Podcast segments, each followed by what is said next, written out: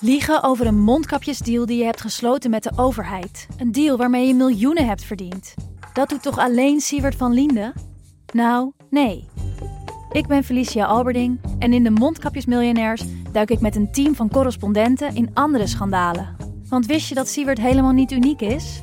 Luister de Mondkapjesmiljonairs in je Podimo-app. Of ga naar podimo.nl slash mondkapjes.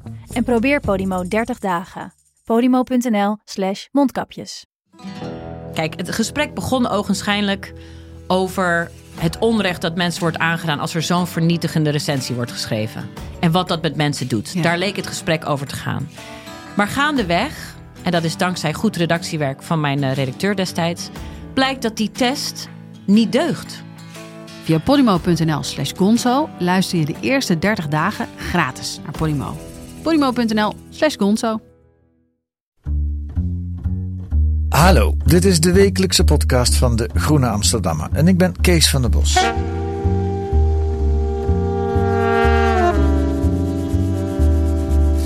Op het moment dat u dit hoort, is Boris Johnson de nieuwe premier van Groot-Brittannië. Dat is zo goed als zeker, maar het is nu nog maandag, de dag voordat de Tories, de Engelse conservatieven, Johnson op het schild hijsen en hij de opvolger wordt van Theresa May. Een nieuw hoofdstuk in de Brexit-soap die nu al ruim twee jaar duurt. Joost de Vries, redacteur van de Groene Amsterdammer en romanschrijver, volgt Johnson al lang en schrijft daarover deze week in de Groene. Welkom Joost. Hoi. Hoe lang volg je Boris Johnson al? Nou, volgen is misschien niet het juiste woord. Het is gewoon zo iemand die ergens aan de zijkant van je netvlies zich al jarenlang bevindt en die je af en toe tegenkomt. En af en toe lees je eens een interview of je ziet hem eens ergens in een grappig tv-programma. Dus het is iemand die ik denk al een jaar of, ik denk wel echt 15 ken. Gewoon als soort van, van grappig, excentriek Engels figuur. Intrigeert in, in, in de marge. En Ja. dan langzaam maar zeker zie je die marge steeds groter worden. En of naar het centrum verschuiven. verschuiven. En ik denk dat dat is gebeurd wat, wat we nu zien met Boris Johnson. Het is iemand die eigenlijk jarenlang niet serieus werd genomen. En nu, omdat we misschien de politiek wel minder serieus zijn gaan nemen, eh, opeens een, een relevant persoon is geworden. Ja, het is een soort clown ook eigenlijk. Hè? Wat boeit je zo in hem? Nou, ja, boeien is, is O- wat- ook niet het goede woord. Ja, het gekke is, hij kan best schrijven, dat moet je hem nageven. Hij heeft een boek over Churchill geschreven, dat is nogal een hagiografie, maar het is wel heel lekker geschreven. Ja. Ehm, wat me aan hem boeit, eigenlijk boeit hij me niet zo heel erg. Het is een, een rasopportunist. Eh, maar waar mijn stuk deze week in de Groene meer over gaat, is... Ja, hij wordt door iedereen gezien als, als de meest flamboyante politicus, maar vooral de grappige politicus. Hij Ja. wordt gezien echt als het, de belichaming van een bepaald soort humor die je bijna alleen in Engeland tegenkomt. En ik zat daar gewoon over door te denken. Wat, wat betekent die humor nou precies van hem? En wat zit er nou precies achter die grappen? En hoe werken die grappen van hem precies? Mhm. En wat, waar leidt dat toe? Nou ja, de grappige is, ik kende hem dus al jaren vooral van Have I Got News For You. Dat, dat bekende, eh, inmiddels ongeveer gecanoniseerde BBC-programma waar ze elke week eh, met een groepje komieken, maar ook wel met schrijvers en politici en journalisten eigenlijk de, het nieuws van die week in de zijk nemen. Ja, een beetje te vergelijken met het, eh, het Nou, trofprogramma Dit Was Het Nieuws. Dit was, ja, dit was het nieuws, is de Nederlandse Ja, equivalent ja, ervan ja, inderdaad. ja, En ik moest heel erg lachen om zijn grappen in de tijd. Een grap stond me heel erg bij. Ehm, toen was Labour nog, dus dan heb je het echt al over tien jaar geleden, was Labour nog eh, de regeringspartij. En dat was een van de corruptieschandaal. En toen vroeg een van de panelleden in Hislop, die vroeg aan Boris Johnson... Nou, Boris, eh, als jullie de macht hebben, wat, eh, wat gaan jullie doen met corruptie? Waarop hij dus zei, well, we promise to be less corrupt. Dus hij zegt niet, we, we zijn niet corrupt. Nee, hij zegt, we are less corrupt. En daar moest ik toen de tijd hard om lachen. En, en nu is het nog steeds een grappige grap. Ja. Maar het punt is van humor, denk ik, dat humor... eh, nou, Harry Mulisch schreef er al over in eh, het ironisch van die ironie. Dat iets is grappig of iets is ironisch. En dan kan je erom lachen. Maar als iemand altijd dezelfde grap maakt, is het geen grap meer. Dan is dat gewoon hoe je naar de wereld kijkt. En dat is denk ik wat mij opviel bij Boris Johnson. Dus iemand die al decennia lang grappen maakt over politici als eh, corrupt en, en ijdel en inadequaat. En eigenlijk het hele idee van dat je de politiek in zou kunnen gaan om iets goeds te betekenen voor je land, maakt hij eigenlijk al decennia belachelijk. Ja. En dat was eigenlijk voor mij eh, wat me opviel en wat me wel interesseerde. Van goh, wat is eigenlijk dan het cumulatieve effect van die grappen? Waar, waar, wat betekenen die grappen precies? ja. En waar leidt dat toe? Nou, ik denk dus dat, dat Boris Johnson een politicus is die al jarenlang de lat voor politici, maar voor, voor zichzelf ook zo laag mogelijk legt. Dus iemand die een, een, eh, een typetje speelt. En dat typetje is het typetje van de inadequate, onhandige, uh, ijdele, maar toch grappige politicus. Die nauwelijks uit Die je eigenlijk, ja, die niet uit zijn woorden komt, maar die Ja. je niet helemaal serieus kunt nemen. En die je ook niet, niks hoeft aan te rekenen. Nee. Die gaat hem niet door verantwoordelijkheid noemen, want ja, het is gewoon een soort van onhandig kind. Ja. En ik kwam wel een mooi citaat tegen van eh, Michael Gove. Eh, soms soms zo'n zo'n concurrent en op andere momenten zijn- zijn zo'n goede collega. Van de Tories. ook. Ja, van de Tories Ja. ook. En, en Michael Gove die zei: Boris Johnson, eh, kijk je naar Boris Johnson, dan is het een beetje alsof je kijkt naar een kind in een schooltoneelstuk die zijn tekst vergeet. En je, zit, je zit in het publiek en je, je zit echt met hem te hopen van: oh god, ik hoop dat hij zijn tekst niet vergeet. Ik hoop Ja. dat hij het einde van de zin haalt.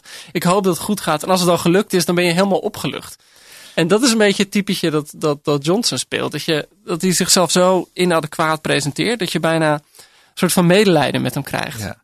Nou, laten we de grappige Boris Johnson even horen. Eh, dit, is wel een eh, geslaagde grap. In die zin, hij komt uit zijn woorden. Eh, dit is in 2008. Jij citeert dat ook in het stuk. In de eind van de Olympische Spelen in Beijing.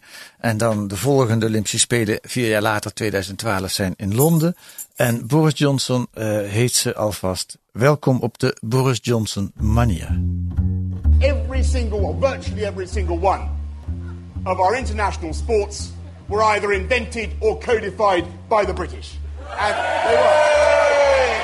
And I say this, I say this respectfully to our Chinese hosts who have excelled so magnificently at ping pong. Uh, ping pong was invented on the dining tables of England, ladies and gentlemen, in the 19th century. It was, and it was called whiff waff. And there, I think you have the essential difference between us and the rest of the world. Other nations, the French, looked at a dining table and saw an opportunity to have dinner. We looked at a dining table and saw an opportunity to play whiff waff. And that is why, that is why London is the sporting capital of the world. And I say to the Chinese, and I say to the world, ping pong is coming home. En terwijl hij dit zegt, zie je ook wat officials achter hem staan die een beetje zo van, mijn god, wat zegt hij nu allemaal weer met zo'n gezicht eh, Ja, kijken. ja. Eh, maar dit is eh, Boris Johnson. Die gaat geen mooi praatje houden over de Olympische Spelen. Wij gaan het vond ik ook goed doen. En leuk gedaan jullie in Beijing. Nee, die, die maakt gewoon een cabaret. Ja, En, en, en heeft de lachers op zijn hand. En daarmee de sympathie ja, van iedereen. van iedereen. Ja, nee, in Ja. dit geval eh, hoef je het denk ik niet heel erg aan te rekenen. Ik bedoel, dit, dit was gewoon een, een licht moment. De afsluiting van de Olympische Ja. Spelen in eh, Ja. 2008. Ja. Ja. ja. Nou, wordt er van Johnson gezegd dat er één politicus is die hem eh, ten val kan brengen. En dat is Boris Johnson zelf. Omdat hij ook, eh, behalve dit soort grappen, ook in echte schandalen eh, terechtkomt. Ehm daar was vier weken geleden was er zo'n schandaal met een eh, vechtpartij of een ruzie in elk geval met zijn vriendin. Eh, op de dag dat de leiderschapsverkiezingen van de conservatieve partij duidelijk hadden gemaakt dat hij en Jeremy Hunt overgebleven waren. En tussen die twee gaat het nu. En toen gebeurde er op een vrijdagavond dit. It's revealed in The Guardian on Friday that um, in the early hours of Friday morning, so Thursday night, the night of Boris Johnson's victory, um, that police came to, to the home that he was sharing um, with Carrie Simmons. And a neighbour told The Guardian that they heard a woman screaming and, and that that was followed by what they described as slamming and banging. And at one point, Simmons could be heard telling Johnson to, to get off me and get out of my flat. And the neighbours say that they, they tried to, to go and sort of knock on the door and, and see if everything was okay. And uh, they knocked three times, there was no response, and they decided to call 999. The headlines this morning Police were called to the home of Boris Johnson and his girlfriend after reports of a loud argument front page is inside their flat bubbling in and South boiling with one story only. There's the front page of the Mail on Sunday. Bust up Boris. Hit by Have you ruined your chances of becoming Prime Minister, Mr. Johnson? Eh, en ook dit schandaal glijdt weer langzaam af, of niet? Ja, nou, wat, wat we wel grappig gedaan hebben, en dat, dat is ook wel ehm, veel mensen hebben opgevallen, eigenlijk bij deze campagne van hem nu om de partijleider te worden en daarmee de prime minister, ehm, is dat voor het eerst in zijn leven eigenlijk een beetje redelijk gedisciplineerd luistert naar zijn mediaadviseurs. Eigenlijk de media zo min mogelijk opzoekt. Wat voor hem een hele tegendraadse beweging is. Hij is altijd gewend om gewoon elke camera op af te lopen. En nu uh, heeft hij een aantal debatten aan zich voorbij laten gaan. Hij doet relatief weinig interviews. Uh, dus, dus zijn manier van het niet verpesten is gewoon door maar zo min mogelijk te zeggen. Ja. Uh, en in dit geval werkt dat wel. Kijk, en het, het, wat, wat, kijk, Johnson heeft natuurlijk met zijn humor een soort geweldig ja, afleidingsmechanisme. Mm. En ik, ik, denk dat mijn stuk daar ook over gaat. Er zijn volgens mij heel veel voorbeelden te bedenken waarin Johnson door journalisten wordt aangevallen. En daar op zo'n manier een grap over maakt. Heel vaak grappen die ten koste gaan van zichzelf. Ik bedoel, het zijn. Maar daarmee maakt hij het ook onschadelijk. Ik weet nog wel dat hij in verband was gebracht met een, een buitengewoon corrupte studievriend van hem. En uh, hij die studievriend had geholpen. En die, die studievriend wilde zelfs een, een, kritische journalist in elkaar slaan. En toen werd hij door BBC, uh, door volgens mij uh, Newsnight of Jeremy Paxson, geloof ik, werd hij geïnterviewd. En werd hij behoorlijk aangevallen. En het was echt duidelijk dat hij er niet onderuit kon. Ze konden de, opname van het gesprek laten horen. Ja, ja met nee, die dat, dat, dat, is het, ja. En toen uh, vervolgens um, maakte hij de grap, of een beetje aan het einde van het gesprek. Nou, je kent Jeremy Paxman, Max Paxman waarschijnlijk. Het, is echt gewoon, het was jarenlang, was dat echt de haai van de Britse journalistiek. Hm. En toen uiteindelijk ja, werd Johnson helemaal in klem geluld en in een hoek gezet. En toen maakte hij zo'n grap, zei hij van ja, ach ja, uh, nee hoor, ik vind het niet erg dat je dit doet, uh, Jeremy zei. Ik bedoel, als je als BBC niet eens meer, uh, BBC-journalist, niet eens meer een vervelende Tory-politicus helemaal af kan maken, waar komt de wereld dan aan? Toen moest iedereen weer lachen. En Ja. maakte hij eigenlijk een soort van ja, schandaal, maakte hij onschadelijk door een grapje ten koste van zichzelf te maken, maar eigenlijk ook ten koste van Jeremy Paxman. Ja, maar toch, daar wil ik dieper op ingaan. Want, want, want hoe kan het dat de ene politicus die zou ervoor op zijn donder krijgen en die zou ervoor afgestraft worden? Kijk, uh, Boris Johnson is ontslagen bij de Times aan het begin van zijn, van zijn journalistieke carrière, omdat hij een citaat van iemand uit zijn duim had gezogen. Ja. Hij is bij uh, de Telegraph gaan werken, begin jaren negentig, eind jaren tachtig is hij er begonnen. En iedereen weet dat hij berichten geschreven heeft over de Europese Unie, toen nog de uh, uh, Europese Economische Gemeenschap geheten. Ja, verzonnen. Verzonnen. Ja. Over, over de condooms die allemaal dezelfde grootte zouden moeten hebben in Europa, ja. noem maar op. Um, dus een, het is gewoon een leugenaar. En Ja. het is iemand die, die uh, toelaat dat uh, een andere journalist, zij het niet te hard in elkaar geslagen wordt. Hoe kan het dat mensen dat niet serieus nemen? Nou, ik moet denken aan een cartoon die een tijdje, een tijdje terug in de New Yorker stond. Uh, dan zie je een, een veld met schapen. En midden in dat veld staat zo'n billboard van een politicus. En de politicus is een wolf. En die heeft dan de slogan: I'm going to eat you. En dan zegt het ene schaap tegen het andere schaap: van nou ja, hij is tenminste eerlijk. en uh, ik denk dat, dat in Engeland er uh, meer en meer, en misschien niet in Engeland, maar op, op heel veel andere plekken ook er steeds meer. En daar heeft Johnson met al zijn grappen over uh, dat alle politici uh, ijdel zijn en corrupt en uh, vriendjespolitiek en inadequaat en hypocriet. En nou, ga zo maar door. Heeft hij daar denk ik aan bijgedragen dat er een beeld is dat een heel groot deel van het publiek politici bijvoorbeeld niet vertrouwt. Ja. En bijvoorbeeld ze ijdel en dom en onhandig vindt. Ja. En dat is precies het typetje dat, dat Johnson speelt. En elke politicus probeert te laten zien dat hij wel nobel is en, en eerlijk en recht door zee en rechtschapen. En Johnson probeert eigenlijk het tegendeel te laten zien. Dus eigenlijk uh, lijkt hij authentiek, omdat hij zich, zich voegt naar een, een naargeestig beeld. Ja.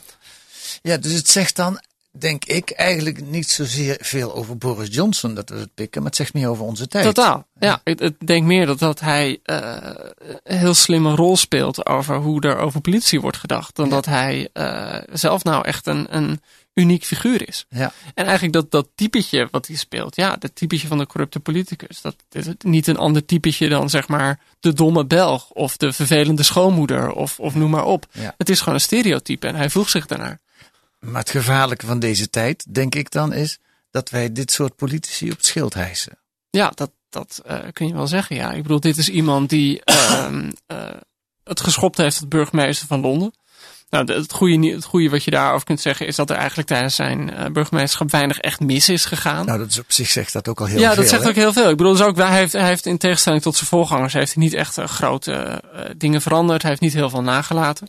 Toen hij minister was van, hij is hele, of een jaar, ik denk twee jaar, anderhalf jaar, is hij ehm, minister van Buitenlandse Zaken geweest onder Theresa May. Ja, Ja. Dat, toen zijn er een hoop relletjes geweest. Meer op basis van dingen die hij in het verleden had gehad. Want dat Ja. is natuurlijk een beetje een probleem. Al ben je een soort columnist dat, dat elk land wel een keer beledigd heeft. En vervolgens moet je als eh, minister naar de landen toe. Ja, dan, dan raken die columns worden weer opgehaald. Dus dat was onhandig. Maar voor de rest heeft hij ook niet heel veel betekend daar. Dus eigenlijk is hij als, als ehm, uitvoerende kracht. Heeft hij echt niets laten zien. Nee. Dus het idee dat hij nu eh, in 10 Downing Street zit en eh, de brexit moet gaan regelen en ehm, allerlei andere dingen moet gaan regelen. Ja, ik zie het gewoon niet gebeuren. Ik zie er een hoop leuke schandaaltjes en ik zie een hoop grappige opmerkingen. En ik, ik kan me voorstellen dat heel veel politiek journalisten dit heerlijke, moment, heerlijke tijden vinden. Want je kan elke dag kan je zes nieuwe commentaar bedenken. Maar ik denk dat er uiteindelijk gewoon heel weinig gaat gebeuren. Sonja Purnell, zijn medewerkster in Brussel in het begin van de jaren negentig, heeft nogal een vernietigende eh, biografie over hem geschreven. en Het blonde beest. het blonde beer, oh ja, zo heet hij. Zo heet hij, ja, de blond beest. En de- zij zegt iets, en dat vond ik wel heel, heel mooi geformuleerd, maar tegelijkertijd zit me dat enorm aan het denken. Dat Johnson niet zozeer authentiek is, maar op een briljante manier authentiek kan spelen. Nou, kijk, het, het, grap, het grappige is, dat met Trump is het er ook wel eens over gegaan. Trump is natuurlijk iemand die gewoon recht in je gezicht liegt. Ehm, maar de vraag is, weet hij dat hij liegt? Ik bedoel, je hebt de, de kunst van, van elke goede eh, verkoper is dat je zelf helemaal gelooft in wat je verkoopt. En je hoeft er niet de hele dag in te geloven, maar alleen dat moment dat ik tegenover jou zit en jou deze stofzuiger probeert te kopen en Kees, het is echt de beste stofzuiger die er is. En dat, ik, ik kan weten dat het niet waar is, maar op het moment dat ik daar zit en dat vertel, geloof ik het. En ik denk dat, dat Johnson van zichzelf een typetje heeft gemaakt, maar ik denk ook dat hij in dat typetje is gaan geloven. Ja. En ehm, ik, ik denk ook niet, ik, en op een bepaalde manier ook zo opgesloten is in dat typetje, dat hij ook niet meer op een andere manier over zichzelf kan nadenken als dat typetje.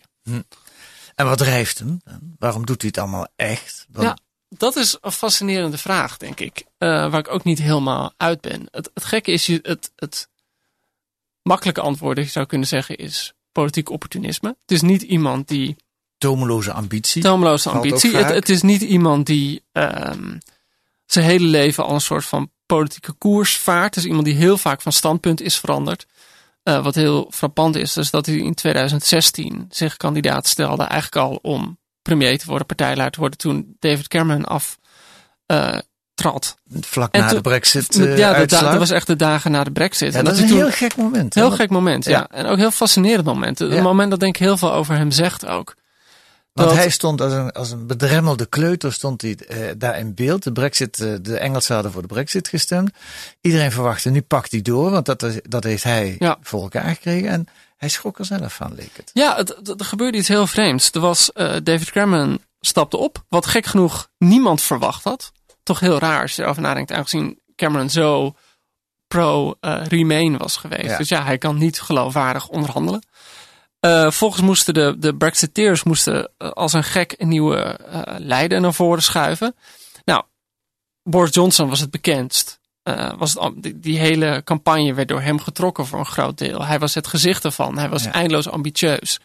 Dus iedereen ging ervan uit hij ging het doen. En, en dat, dat vind ik een typisch moment dat eh, de Brexit was op de, de stemming was op donderdagavond. Eh, op vrijdagochtend trad eh, Cameron? Cameron af. En op zaterdag ging elke politicus in Londen ging bij elkaar komen klitten en samenspannen van hoe gaan we dit aanpakken. En Boris Johnson ging cricketen. Die ging de stad uit, die ging naar zijn goede vriend eh, Graaf Spencer. Had hij al afgesproken. Had hij al afgesproken, ja. Hè? Je kan een afspraak niet afzeggen eh, als het om cricket, gaat. En daar is toen, dat is dan weer later uitgelekt. ehm, daar was een lunch en er zaten een hoop mensen aan tafel. En hij, een, een vrouw die daar aan tafel zat, sprak, vertelde dat later. Dat Boris Johnson aan tafel zei van jongens, wat moet ik? Moeten we eigenlijk wel weg uit de EU? En moet ik wel premier worden? Is het, kan ik, is dat wel een goed idee? Ja. En dit is dus een man die al die tijd die eindeloze ambitie had voor zichzelf. En eh, die, die, die Brexit promoten. En op het moment dat het gebeurd was, twijfelde hij dus al. Waarom? Waarom twijfelde hij dan? Nou, omdat hij er nooit in geloofd had. Het eh, ik denk, maar ik denk, of eh, misschien was hij wel, ik geloof wel dat hij tegen de EU was en Brussel vreselijk vond. Maar het idee was natuurlijk ook volgens mij dat heel veel ehm, conservatieve politici dachten, zo'n vaart zal het niet lopen.